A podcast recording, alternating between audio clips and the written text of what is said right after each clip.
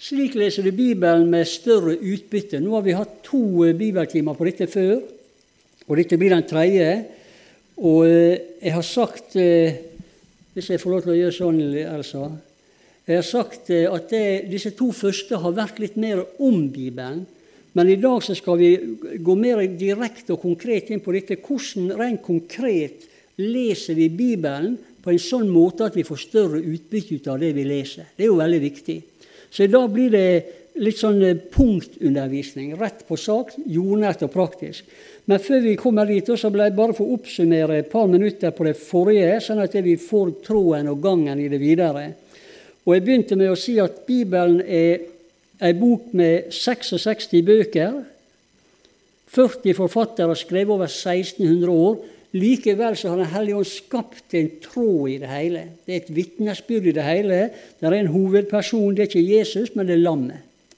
Men han blir jo personifisert i Jesus da, seinere. Og der er denne røde tråden som går på blodet, forsoninga. Temaet det er forsoning. Fra fallet så er temaet forsoning. Og det å få samfunn og fellesskap med Gud igjen. Og det ble fullkomment gjort da ved det store tidsskiftet for 2000 år siden. Da, da fikk vi plutselig Den hellige ånd i oss, som skaper et fellesskap som de ikke hadde tidligere. Og, og disse stadige ofringene som de holdt på med i Det gamle testamentet, det ga dem bare en påminnelse om synd hele tida, men de fikk aldri rensa samvittigheten, ble aldri ferdig før for 2000 år siden. Så det er all grunn til å feire jul, altså. Vi lever i en helt annen tid, og i en tid hvor det er mye, mye enklere å ha med Gud å gjøre. Vi trenger ikke å gjøre det til for Gud lenger. Vi trenger ikke å ofre og bære frem og møte en, en, en vred Gud. Nei, det, alt det er ferdig. Det, det, er fantastisk å leve med Gud i dag. Det er ikke rart vi sier halleluja av og til. Det, og, det flyter over. Og Så snakker jeg litt til å begynne med da, om hvorfor det er viktig å kjenne Bibelen. Og Jeg sa det er mange grunner, og jeg gikk bare inn på den ene. At vi lever i en tid der Bibelen forutser at det kommer mange falske lærere og mange falske profeter. Og Derfor må vi kjenne Skriftene for ikke å bli lurt av tidsånda. Tidsånda kjører et press på oss hele tida. Og det er mange falske lærevær, men vi må kjenne Skriftene sånn som Jesus sier dere farer vill fordi dere ikke kjenner Skriftene. Så jeg har vektlagt den delen denne gangen her, at vi må, vi må kjenne Skriftene så vi ikke farer vill. Og Jeg har også nevnt i stikkordsform at eh, i, i endens tid så kommer det til å utkrystallisere seg to menighetsbevegelser. En frafallen og en brennende. Som Paulus sier, frafallet må komme. Og Jesus skisserer de ti brudepiker der fem er borte og fem er med. Og alle, tro, alle ti trodde de ble med. Men fem var frafallen rett før bryllupsfesten skulle begynne. Det er det store frafallet. Dette kommer, og jeg tror vi er langt inne i det. Det talte jeg ikke om, og jeg skal ikke tale om det nå, men det blir temaet vårt i to bibeltimer i februar. Endetidens to menighetsretninger. Det er viktig at vi forstår oss på. Men vi har fått Skriftene for ikke å fare vill. Og så sa jeg da eh, Bibelen er en levende bok, og jeg ga noen eksempel på det. Og så sa jeg når du leser Bibelen, så må du lese Bibelen som Guds ord. Og så sa jeg også forrige gang at eh, Bibelen er gullgruve, men vi må lære å utvinne gullet. Og vi må være aktive. Du får ikke gull. Du kan eie ei flott gullgruve, men hvis ikke du tar ut gullet, så har det ingen verdi. Du må jobbe med gullet for å få det ut. Sånn er det med Bibelen òg. Og på samme måten som det er flere måter å utvinne gull fra ei gruve, Sånn er det også flere måter å utvinne gullet i Bibelen. Og Nå skal vi snakke litt konkret og praktisk og, og livsnært om hvordan utvinner vi gullet rent konkret i Bibelen. Og nå skal jeg gjøre noe som vi aldri har gjort før. Jo, det har vi sikkert. Men jeg har tatt med meg jeg har jo mange, jeg har tatt med litt papir og penne. Jeg kommer til å dele ut. Nå skal du få den vi deler ut nå, Nå skal du få noen konkrete punkt som det kan være lurt å notere av forskjellige grunner. Jeg bare nevner det. Du er ikke nødt til å gjøre det, men du får sjansen. Vanligvis er det sånn at en, en preken kan du liksom ikke kopiere og holde en annen person sin preken. Men denne kan du kopiere.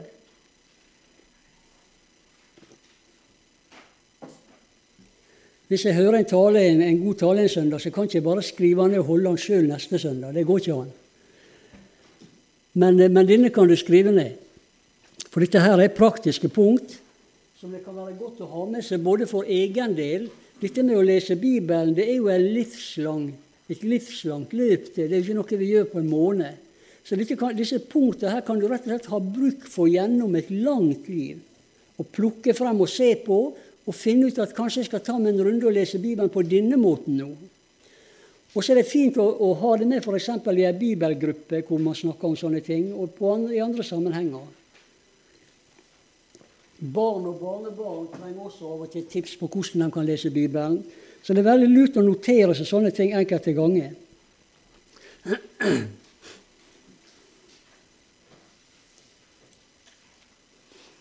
Og hvis du ikke skriver, så kommer du til å angre. Det er bare å skrive.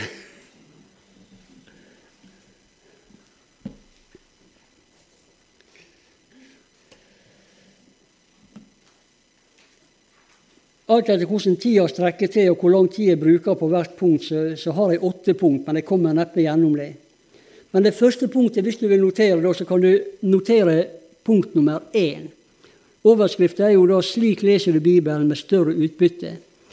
Og En fin måte å få mer ut av Bibelen, det er å så disiplinere seg sjøl til å la det bli en daglig bibelstudietid en daglig bibelstudietid. Det er det første, viktigste punktet.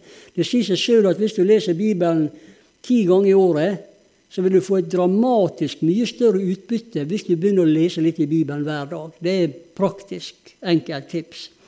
Og Noterer du videre nå, så får du noen skriftord med meg. Vi begynner med apostelgjerningene 17, 10-12. Apostelgjerningene 17, 10-12.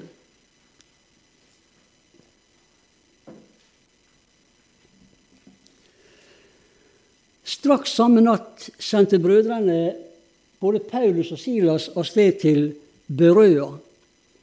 Eh, da de kom dit, gikk de bort til jødenes synagoge. Men disse var, av et eglere sinn enn de til Salonika. De tok imot ordet med all godvilje og granska daglig Skriftene for å se om det var sånn som det ble fortalt dem. Daglig bibellesing. Her er det et godt eksempel på det. Og dette her å møte Bibelen med godvilje også, leite etter hva, hva, er det jeg har her?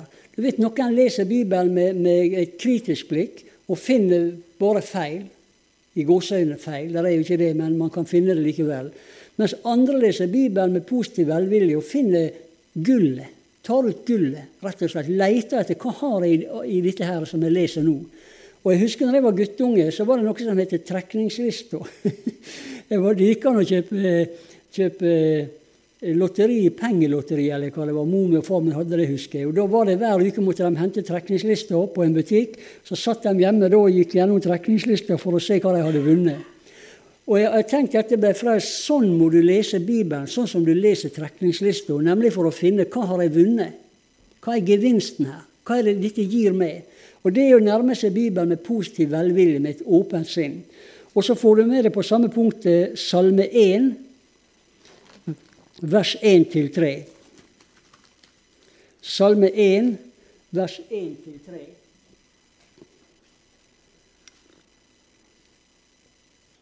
Og Dette er på en måte fanfaresalmen, den første salmen, med, med, en viktig sannhet allerede med en gang.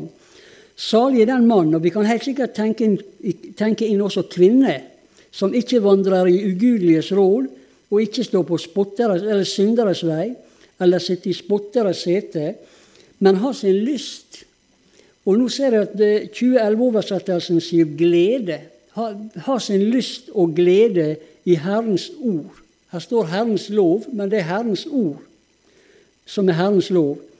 Og grunner på Hans natt, nei, på Hans lov natt og dag. Altså Dette ordet 'grunne' det gir en annen dybde enn bare å lese. Dette handler om bibelstudium. Altså man grunner og jobber i Bibelen. Og det gir et fantastisk utbytte. Hørte bare sånn som han Harry nevnte innledningsvis når han leste fra Malakias. Så sier han at vi er hans eiendom. Men så sier han også da at eh, en oversettelse har skatt. King James sier juvel. Så plutselig så wow! Du, du får en annen dybde i det med en gang. Det kunne ikke han ha gjort uten at han hadde granska det. ikke sant? Så det, Dette er en frukt av å granske Bibelen. Det, det utvider forståelsen. Horisontene, Guds store horisont blir større, og Gud blir større. For, for det, det, det, er jo litt annerledes å være en eiendom som er fantastisk, og så være en juvel. Wow! Ikke sant? Da tar det helt av. Men det er sånn som du finner fordi du gransker.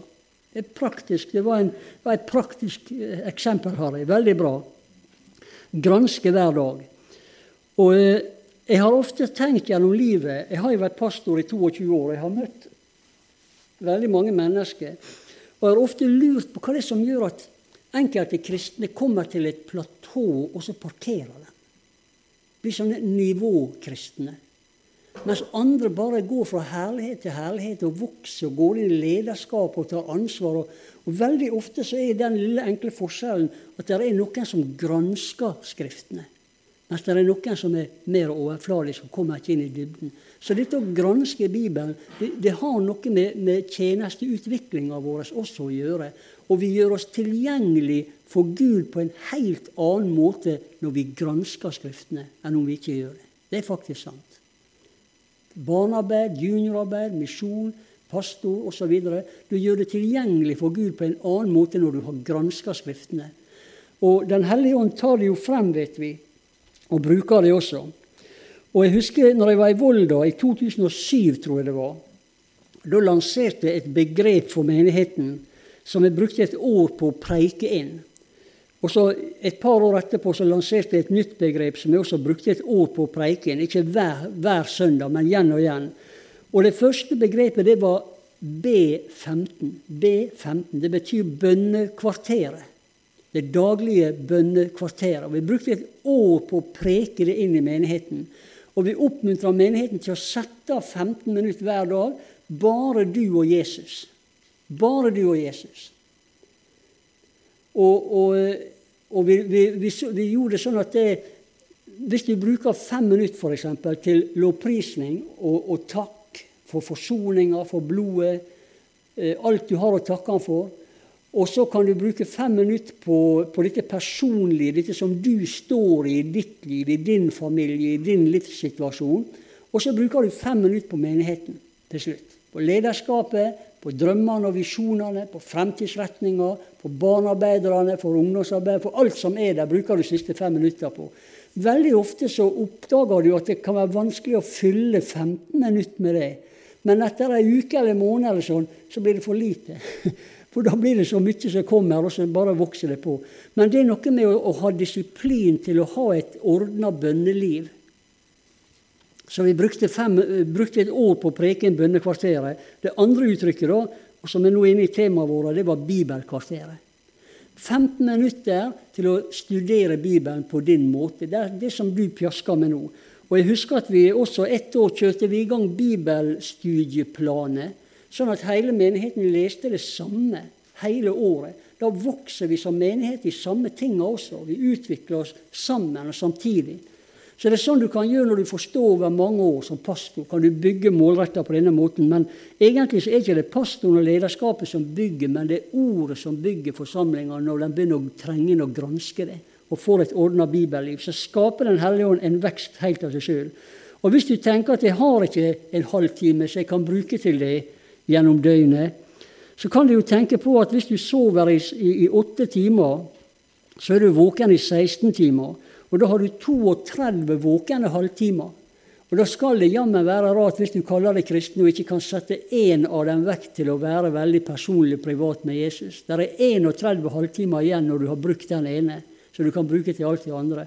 Så det handler veldig mye om disiplin. Og det å være en disippel Nå skal jeg komme over til et punkt det å være en disippel Du vet at det, vi er jo ikke kristne, vi er jo disipler. Har du tenkt over det? Vi kaller oss kristne, men det var et navn som de fikk i Antiokia. Og det var disiplene som ble kalt kristne. Så vi er egentlig disipler. Og disippel har med disiplin å gjøre. Og det, det, det nynorske ordet er læresvein. Altså Det betyr å gå i lære. Vi er, vi er rett og slett elever hos Jesus, vi som er kristne. Vi er elever og læresveiner og disipler. Og disipler har jo disiplin, og det er veldig lite inn å tale om disiplin i kristne sammenhenger, for alt skal være så flytende, og alt skal være så kult og hipt og, og popt og tøft og moderne. og det, jeg, jeg, tror på det, men jeg tror at det, vi må ikke glemme at disipler har en disiplin. Og Jeg tror på disiplin i bibellivet og i bibelstudiet. Og dette her er å, å være en disippel. Det er jo, og dette må du gjerne skrive, for dette er godt sagt om jeg skal si det sjøl. Å være en disippel, det er å sørge sjøl for åndelig påfyll. Det er å sørge for alenetid, gudstjenestetid, bibelstudium, bibelgruppedeltagelse, tjeneste osv. Å være en disippel er å sørge sjøl for åndelig påfyll. Alenetid, gudstjenestetid, bibelstudium, bibelgruppe osv. Det er ikke pastorens ansvar at du vokser med Gud. Det er ditt ansvar at du vokser med Gud. Pastoren kan legge det til rette, men det er ditt ansvar å ha en disiplin i gudslivet ditt som gjør at du tar det tid sammen med Jesus. Sånn, da var det sagt. Og det mener jeg i ramme alvor også. For å si det litt sånn, da, det er ikke, det er ikke nok for, en, for, kristen vekst å gå på en gudstjeneste i uka. Det, det, er bare liksom driven. Det, det, det er liksom Det er der det driven ligger. Men, men, vi kan ikke gå ned hele neste uke og være med på alt som verden har, uten å tro vi blir påvirka av verden. Og så skal vi gå på gudstjeneste neste søndag, og så skal det liksom holde oss flytende. Det er ikke sånn det funker. Kristne har disiplin til å leve med Gud sjøl. De leser, de studerer, de vokser. Og, og, og, igjen, det er disse som forlater det platået og vokser videre inn i rikere og større tjenester for Gud. Dette er ikke noe vi gjør for å bli frelst, det er noe vi gjør fordi vi er blitt frelst. Det er noe vi gjør for dette livet her. Vi gjør ikke det for himmellivet. Det er blod og forsoninga gjør oss klar for himmelen. Men dette har med dette livet å gjøre. Vi skal være istandsatt for Gud til å virke i dette livet. Derfor har vi disiplin til å lese, granske og studere. Viktig poeng, dette her. Og Jeg har lyst til å vise deg noe i, i Mosebøkene nå, på dette, dette punktet om, om, disiplin og det å granske Skriftene. Eh, hvis, vi, hvis, du blir med meg til 2. Mosebok 12 La jeg også si at det, det er ikke meninga med dette å legge en ny ryggsekk av byrder og sånne ting. Jeg vet at det vi har mer enn noe i, i hverdagene våre. Men jeg har lyst til å prøve å oppmuntre deg til å tenke litt annerledes, og til å gi det tid Gi deg sjøl tid til å være sammen med Jesus intimt og tett gjennom bønn og Bibel. Det, det, er veldig viktig. Og du skal få se i andre Mosebok 12, 13, 14, 15, 16, 17. Vi skal gå en kjapp innom disse seks kapitlene. Uh, uten, å, uten, å, gå i dybden selvfølgelig for tida sin del. Men her får du et veldig godt skoleeksempel på, på basiskristendom. Du vet, De første kristne de leste ikke i breva og, og henta ut ting fra romerbrevet og disse skattene. Det var ikke skrevet ennå. Men de gikk til Skriftene og henta alt ut av Det gamle testamentet. Jesus prekte fra Skriftene. Paulus prekte fra Skriftene. Og vi vet, at, vi vet en god del om hva de prekte også. De prekte om lammet som Jesus. Det vet vi jo med sikkerhet. Og Hebreerbrevet åpner jo mange dører her. Men du skal få se en interessant ting i disse seks kapitlene, i kapittel 12, som på en måte er starten, der de går ut fra Egypt gjennom blodet. Vi bruker ofte det som, som et bilde på frelse og forsoninga. De går gjennom blodbestengte dører og ut i frihet. Lenkene, lenkene slipper, og de, plutselig er de ute i et helt annet liv enn slaveriet de levde i. Det er frelse i forsoninga i kapittel 12. Og i det 13. kapittelet så blir de fylt med Den hellige ånd. Da er det, hvis du ser i 1320 1320 eh, og til 22, da hvis du noterer. Nå glemte jeg å si eh, 2. Mosebok 12,13, hvis du skriver. 2. Mosebok 12,13. Blodet på de hus som dere er i, skal være et tegn for dere. Når jeg ser blodet, så skal dødsengelen gå forbi. Og ingen slag skal ramme dere. Så, så, vi er under blodet. Men så er det det 13., da, det neste som skjer. De får Den hellige ånd i 1320. Så brøt de opp fra Sukkot og slo leir i Etam. Og Etam det betyr styrke, kraft, utholdenhet. Det er, det er et glimrende uttrykk for Den hellige ånd. Og Herren gikk foran dem om dagen i ei skystøtte se her nå, for å lede dem på veien. Det er altså åndens ledelse i denne skystøtta. Det er et bilde på. Og i ei ildstøtte for å lyse for dem om natta. Så han var, han var, ledelse, og han ga lyset som de trengte for vandringa, så de kunne dra frem både natt og dag. Skystøtta veik ikke fra folk om dagen, ei heller ildstøtta om natta. Så her får de Den hellige ånd til å lede seg på vandringa. Og, og jeg, kunne snakka mye om hvor viktig det har vært for meg å være fulgt med Den hellige ånd som pastor. Både i ledelse og i dette at Den hellige ånd tilrettelegger ting. Det, det, går ikke an å beskrive det, men det går ikke an å leve uten det.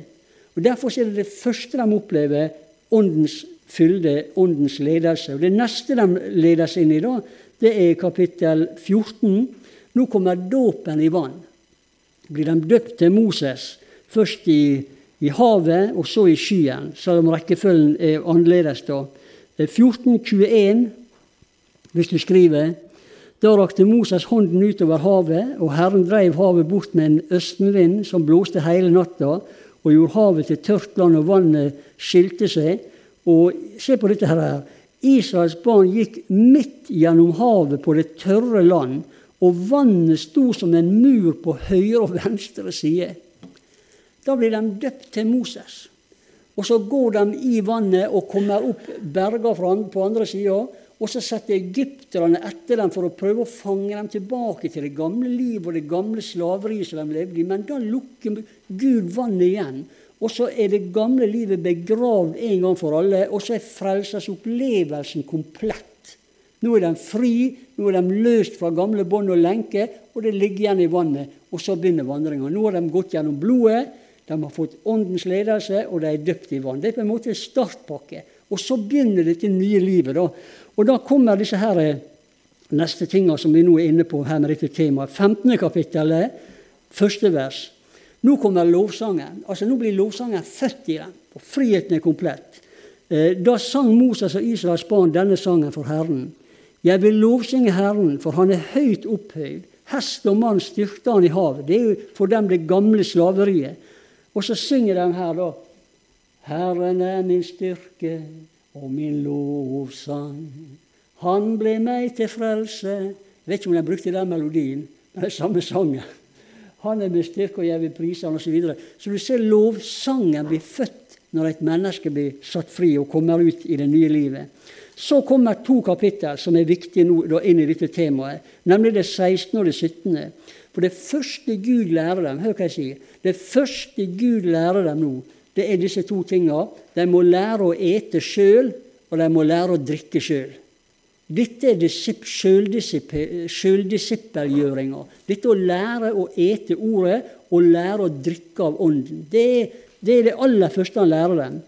Og Du ser i 16,4 da sa Herren til Moses, jeg vil la det regne brød ned fra himmelen til dere, og folket skal gå og sanke hver dag det de trenger.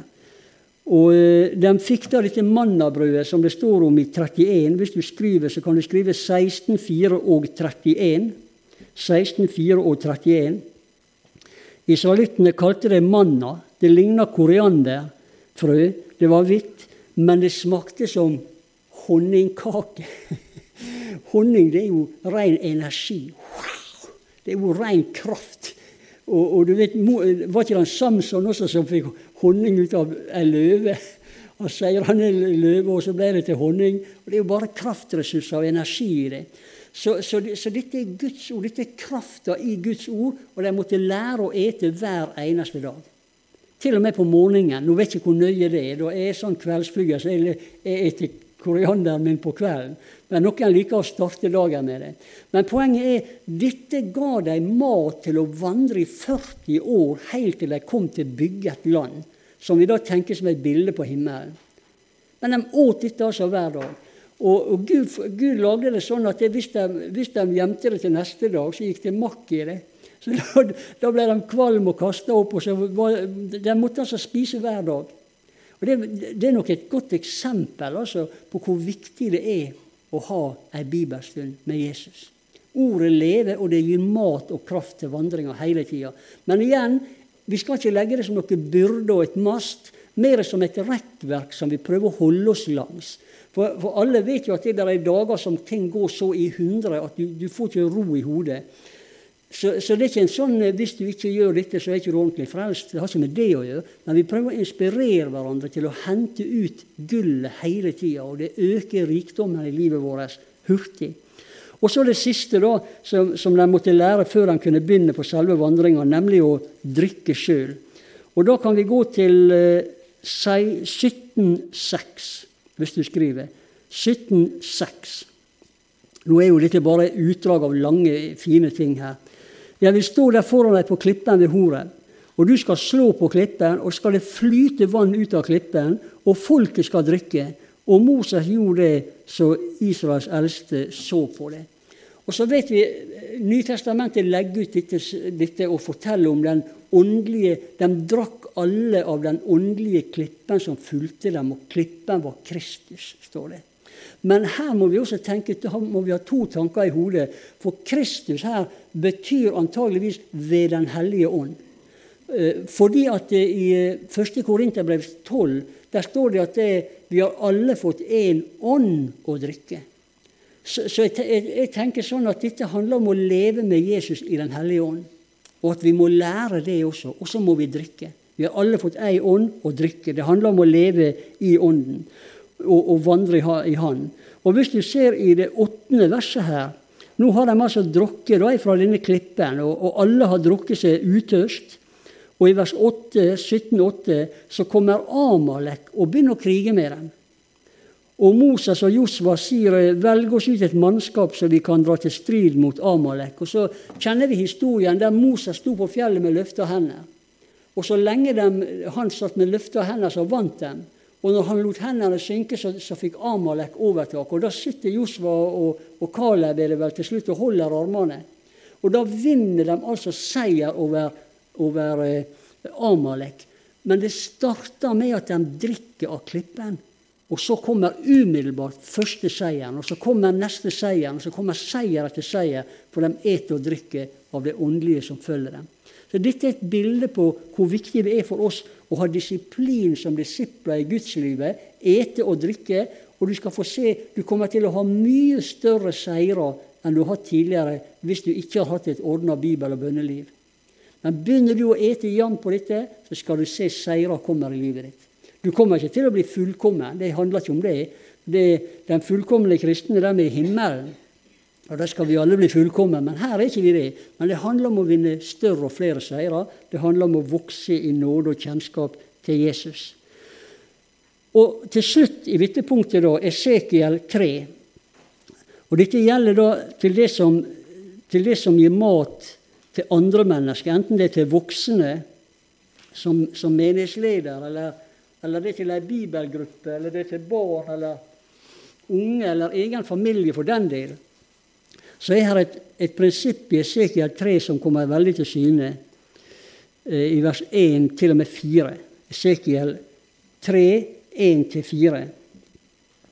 Og han sa til meg, menneskesønn, et det som du finner foran deg her. Et denne bokrullen, så kan du gå av sted til Israels barn og tale til Israels barn. Da åpnet jeg munnen, og han ga meg en rull å ete. Og han sa til meg, menneskesønn, mett buken og fyll innvollene med denne rullen som jeg gir deg. Og jeg åt den, og den var i min munn som honning. Her ser du igjen altså denne her energiboosten som bare honning kan gi, for det er så metta på karbohydrater. Og den smakte honning. Og han sa til meg, menneskesønn, gå til Israels hus og tal til dem med mine ord. Her ser du også nødvendigheten av å ete ordet før du har noe å gi til andre. Og hvis du er en som gir til andre uten å ete ordet, så vil du med tida bli nødt til å servere det tidsånden serverer. For det får alle inn. Alle får inn tidsånder i dag. Det er ikke til å unngå. Men du må ha noe utover som er kraftigere, som du kan dele til mennesker rundt deg, til gruppa di og til hva det enn måtte være. Så, så, prøv å la det bli, om du kan, men som jeg sier, bare som et rekkverk, daglig bibelstudium. Studium. Gransk Skriftene, og du skal se at du vokser i Gud. Andre hovedpunktet da i dag det er dette les, Når du leser Bibelen, så les systematisk og planmessig. Og da til, kan du bli med til apostelgjerningene 1824-28. 1824-28. Les systematisk og planmessig. Og det er da jeg tenker bl.a. at bibelleseplaner kan være veldig lurt innimellom. Ikke hver gang, men et, et år f.eks. kan du bruke en bibelleseplan. For dette er jo som jeg sier, en livslang aktivitet. Men i apostelgjerningene 1824-28 så har du et veldig godt eksempel på dette. Det var en jøde ved navn Apollos, født i Alexandria i Egypt, gamle bibliotekbyen.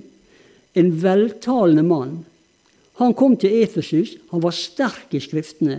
Veltalende betyr kanskje at han hadde en viss sånn pedagogisk evne også, var flink å forklare ting på en forståelig måte, som, som er en naturgave kanskje i utgangspunktet. Men så har han helliga det og brukt det til, eh, i Guds rike. For han var sterk i Skriftene. Han var opplært i Herrens vei. Han var brennende i ånden, og han talte og lærte grundig om Jesus enda han bare kjente Johannes dåp. Så du ser han var litt sånn teologisk uferdig. Men han, var, brant for Jesus. Men så begynner han å tale i, i synagogen veldig frimodig. Priscilla og Kvilas var jo Paulus sine nære medarbeidere. Og dem hørte han, og så tok de han til seg og la ut Guds vei nøyere for han. Og da er han mer teologisk ferdig også, for nå har han fått dåpen på plass. Og han er like brennende og ivrig. Og eh, Da vil han dra videre da etter en stund. Jeg vet ikke hvor lang tid de holdt på med han og, og, og forklarte han, men etter en stund så vil han videre til Akaya, nærmere bestemt til Korint, ser vi i Korintbrevet.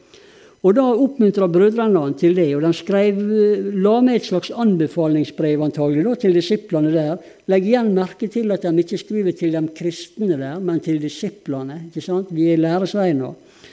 Om å ta imot han. Og når han kommer dit, så ble han ved Guds nåde til stor gagn for de troende. For med kraft målbandt han jødene i full offentlighet og viste av Skriftene at Jesus er Messias. Dette kan du ikke gjøre uten du leser Bibelen systematisk og planmessig. Dette er en frukt av sånt, sånn type bibelstudie. Og så ser det ut som i Korinterbrevet, da, og det fortelles litt i skriftet om det også, at når han kom til Korint, så ble han antageligvis pastor der i flere år. Uh, Paulus skriver jo at det jeg plantet, han var misjonæren som kom og grunnla menigheten, mens Apollos vanna, fordi han trolig ble stående som pastor over noen år. Men det er noe som denne mannen kunne bli brukt til, fordi det er helt tydelig at han leste systematisk og planmessig, og så en ting som er like viktig. Han var ikke arrogant, sånn at han ikke lytta til de andre, men han hørte på Priscilla og Akvilas mens de lærte han opp videre. Så han, han, han, han, hadde et sinn og et hjerte som var så ydmykt samtidig at han var åpen for korrigeringer og, og, og uh, utvikling. Og dette gjør han da omsider til pastor. Det er en naturlig utvikling for å bli pastor. Men altså systematisk, planmessig og grundig.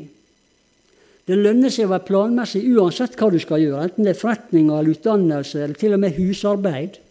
Så er det lurt å ha en plan, ha en, ha en, eh, gang i det hele, så blir du ferdig. Og Sånn er det med bibelstudiet også. Les det planmessig.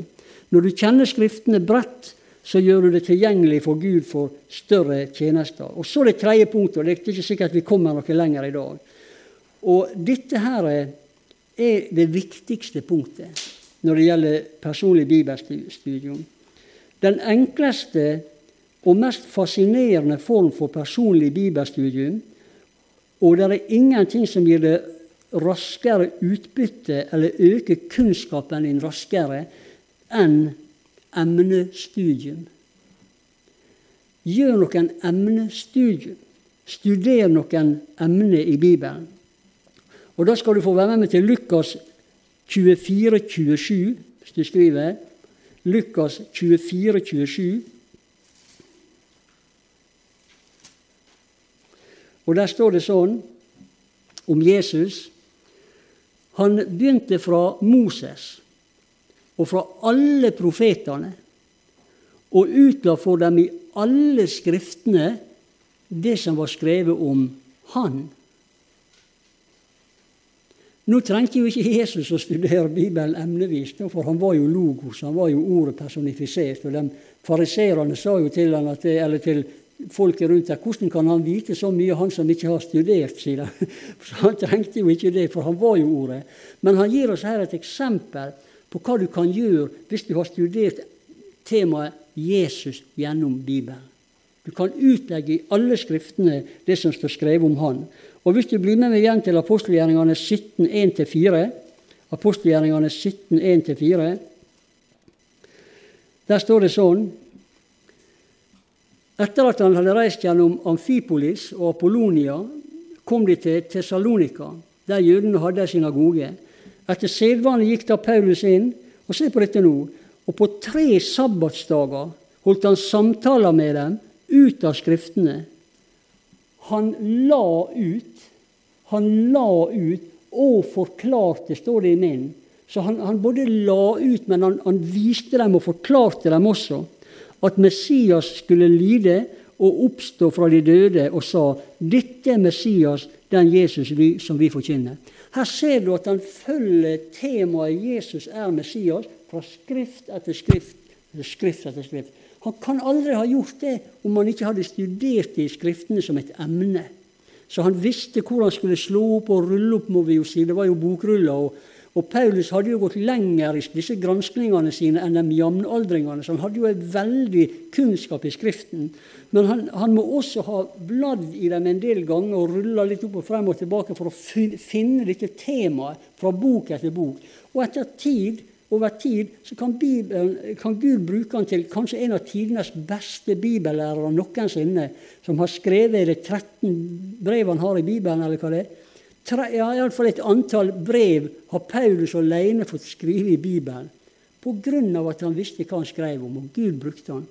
Men her ser du at han har studert emnet, temaet, og han kan legge ut det veldig grundig.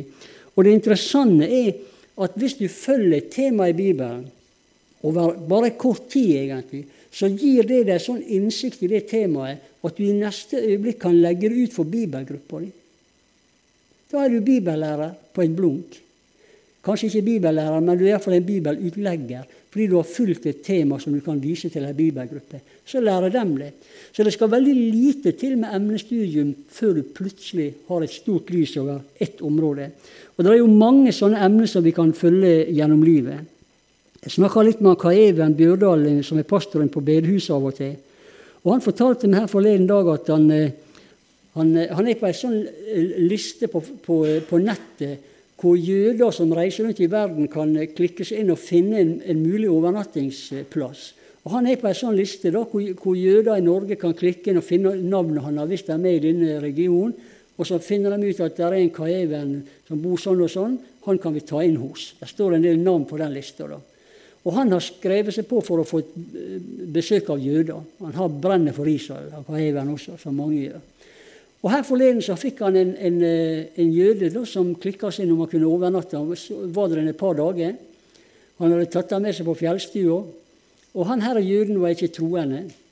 Men han lurte nå på hvorfor, hvorfor du åpna hjemmet ditt for jøder. ikke sant? Så det er Mye spørsmål og interessante ting. Og hva er det begynner å prate?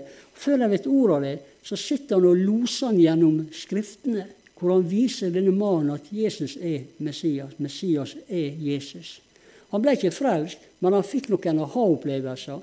Og kanskje er det begynnelsen til at han om fem år en annen plass uh, har vandra så mye i dette at han plutselig kommer til tro. Men det kunne han gjøre fordi han sjøl hadde fulgt temaet gjennom Skriftene og visste hvor han skulle lose han, ikke sant? Så du ser hvor, hvor, du gjør det tilgjengelig gjennom å kjenne Bibelen, og gjennom å granske og følge noen interessante, viktige temaer. Tema som, som, jeg har studert gjennom Nå har jeg jo vært frelst i 45 år, så dette er ikke gjort i en håndvending. Men, men jeg, har, jeg, har, studert sånne tema som frelse gjennom Bibelen. Frelse, gjenfødelse. Jeg bare nevner det i stikkordsform som eksempel. Eh, rettferdiggjørelse, Gud, tro, Jesus, blodet menighet, Den hellige ånd, dåp, eh, tidens tegn, profetisk ord, Israel, Jesus, Jesu gjenkomst, Kristus i oss, Kristus for oss. Iallfall noe av det. Og dette har da gradvis gjort meg til pastor. Jeg sier det sånn som det Det har gradvis gjort meg til pastor. Jeg slår ikke meg sjøl på brystet for dette. Jeg tror Gud har gitt meg gave og en lyst i det også. Det tror jeg kommer i tillegg. Vi har forskjellige gaver, forskjellige tjenester. Ikke alle blir misjonærer, ikke alle blir ungdomsledere eller korledere og sånne ting. Men, men, vi skal gå inn i det Gud har ledet oss inn i, ut fra de gavene vi har. Men følger du sånne emner over tid, så skal du se hvor Bibelen blir større og større. Gud blir større og større. Jesus blir større og større. Den hellige ånd blir viktigere og viktigere. Det er noe med at ordet lever og etterlater et fotavtrykk som, som preger det som person. Hvordan gjør jeg da hvis jeg vil starte med å studere et emne? Og Jeg skal ikke bruke fryktelig mye lang tid nå, mer lengre tid nå. Men et tips hvis du har lyst til å begynne å følge et emne for å utvide horisontene dine, det kan være f.eks. når du leser Bibelen, så kommer du til et vers som du syns er spennende, så vil du alltid finne bibelhenvisninger under det verset. To, tre, fire skrifthenvisninger vil det være under det verset. Og hvis du følger de henvisningene, så vil du finne samme temaet en annen plass i Bibelen. Og under den, den versene du da har begynt på, finner du fire-fem osv. Og, og så til slutt så har du en brei innsikt i, i, det temaet. Og Hvis du da også streker og henviser og jobber med Bibelen, la det, la det være ei arbeidsbok, så kan du lett finne det igjen også i bibelgruppa neste onsdag f.eks. Eller om du skal preke en gang, så har du på en måte studert det på en sånn måte at du har noen hjelpetekster som loser det fra skriftord til skriftord. På den måten, Det er en måte å følge, følge et, eh, et tema. En annen måte er å bruke, bruke bibelordbok. Det er jo enklest av alt. Jeg har, jeg en bibelordbok som er, er, gått opp i sine enkelte faktorer. For De er jo ikke så sterke, disse greiene. De, de går jo i stykker etter hvert. Men, eh, men her er f.eks. da kan du, kan du, finne tema som oppstandelsen. Hva sier Bibelen om Jesu oppstandelse? Jo, det finner du i ei bibelordbok. Og så har du flere, ting, flere ord du kan følge, eller, eller kjærlighet, eller hva som helst så finner du de skriftordene du vil, og så gransker du det gjennom det. Og etter noen uker så har du utvida veldig horisonten din på det temaet. Og også på andre temaer også. Så, så det er, er, veldig mange måter å, å, å, lære seg å vandre gjennom forskjellige temaer på, og det utvider horisonten din. Og Det siste punktet jeg vil ta i dag, da, for tida sin del, det er, det er rett og slett og jeg har allerede vist dere denne, det er å bruke hjelpemidler når du studerer Bibelen. Der er Studiebibel er veldig bra. Dette her er det som jeg kaller for mursteinen til Jan Gilbrandt. Det er den tyngste boka jeg vet om i dobbel forstand. Men en studiebibel er en fin ting å bruke over ei tid. Denne her er sånn at den har, eh, den har bibeltekstene oppe her. Så har du en linje, og så er det en rekke kommentarer under da, til den teksten som er på den sida. Og hver side har da eh, en del kommentarer til teksten. Så hvis du leser teksten, leser kommentarene, så utvider du horisonten og forståelsen din på det som du er inne på den sida. Jeg har jo også sjøl eh, prekt på engelsk, og jeg har lest bare ganske lite engelsk. Men her er en engelsk studiebibel som også utvider språkområdet eh, ditt, sånn at du kan preke på engelsk. Nå, I dag har jo jeg ansvaret for tolketjenesten. Nå er jo jeg preker ikke på engelsk lenger. Men jeg har ansvaret for tolketjenesten på Fila. Og det er fordi jeg har ved Guds nåde istandsatt meg til det gjennom bibelstudiet på engelsk. Sant? Så du utvider horisonten hele tida. Denne heter Christian Growth Study Bible. Det er den The New International Version. Og Dette er også en bibel med kommentarer, fargefelt som, som forklarer en del ting. Du skjønner det etter hvert som du leser det. Og denne vet jeg at, at uh, ungdom i oppdrag har brukt mye og delt ut til, eller solgt til sine folk. For de bruker jo dem internasjonalt, og da er det greit å kunne engelsk. Så, så denne der er en UiO-studiebibel, vet jeg. Så har jeg en, noe som heter The Complete Jewish Bible. Det er en jødisk, eh, messiansk bibeloversettelse som er oversatt av en jøde som heter David Stern. Eh, og han, her, her, Den er oversatt til engelsk, men samtidig så bruker han en del eh, greske og hebraiske ord i oversettelsen som er forklart da, i forkant og i bakkant, som gir det på en måte eh, en sånn type tilnærming til evangeliet som messianske jøder har. Det er jo kjempeinteressant. Og, og denne har jeg veldig mye glede, glede av. For å si det sånn som det er det Birgit sier, men det var jeg som kjøpte den til henne. Og jeg skjønte hvor han enda da. Og så har jeg hatt en, eh, en gresk eh, interliner, engelsk-gresk interliner som han, Einar Jacobsen fant på gamle Årflott bokhandel på 70-tallet, når vi var nyfrelst, så sa han du, der fins en, en sånn en på Så gikk jeg ned og så kjøpte jeg den siste. Og jeg har ikke sett den noen plass siden. Men dette er Det nye testamentet på engelsk med greske orda under ord for ord. Fantastisk interessant. Her kan du forstå litt av det greske også, og hvor det er henta fra. Og så kan du ha andre, andre sånne oversettelsesbøker som forklarer den greske orda osv. Altså poenget er at det, det er utallige måter å granske Bibelen på. Og når du gjør det i en livslang prosess, så utvider du hele tida horisontene, forståelsene. Og, og, og, det rare er det at jo mer du leser, jo mer interessant blir det. Det er ikke sånn at du plutselig å, nå har jeg lest i 40 år, nå gidder jeg ikke mer. Nei, du blir så nysgjerrig at kan jeg få tak i en annen interessant bok nå, så jeg kan utvide noe mer? For det, det lever, vet du. Det er levende, og det, det tar aldri slutt. Så, så, la det være med disse tre bibeltimene om slik leser du Bibelen med større utbytte. Jeg håper det, jeg håper det er litt matnyttig, og at det er litt forståelig og at det er litt interessant, og at det kanskje gir lyst til å, til å ta tak i ting mer i eget liv. Bibelkvarteret, bønnekvarteret, det er viktige ting. Det utvider horisontene våre.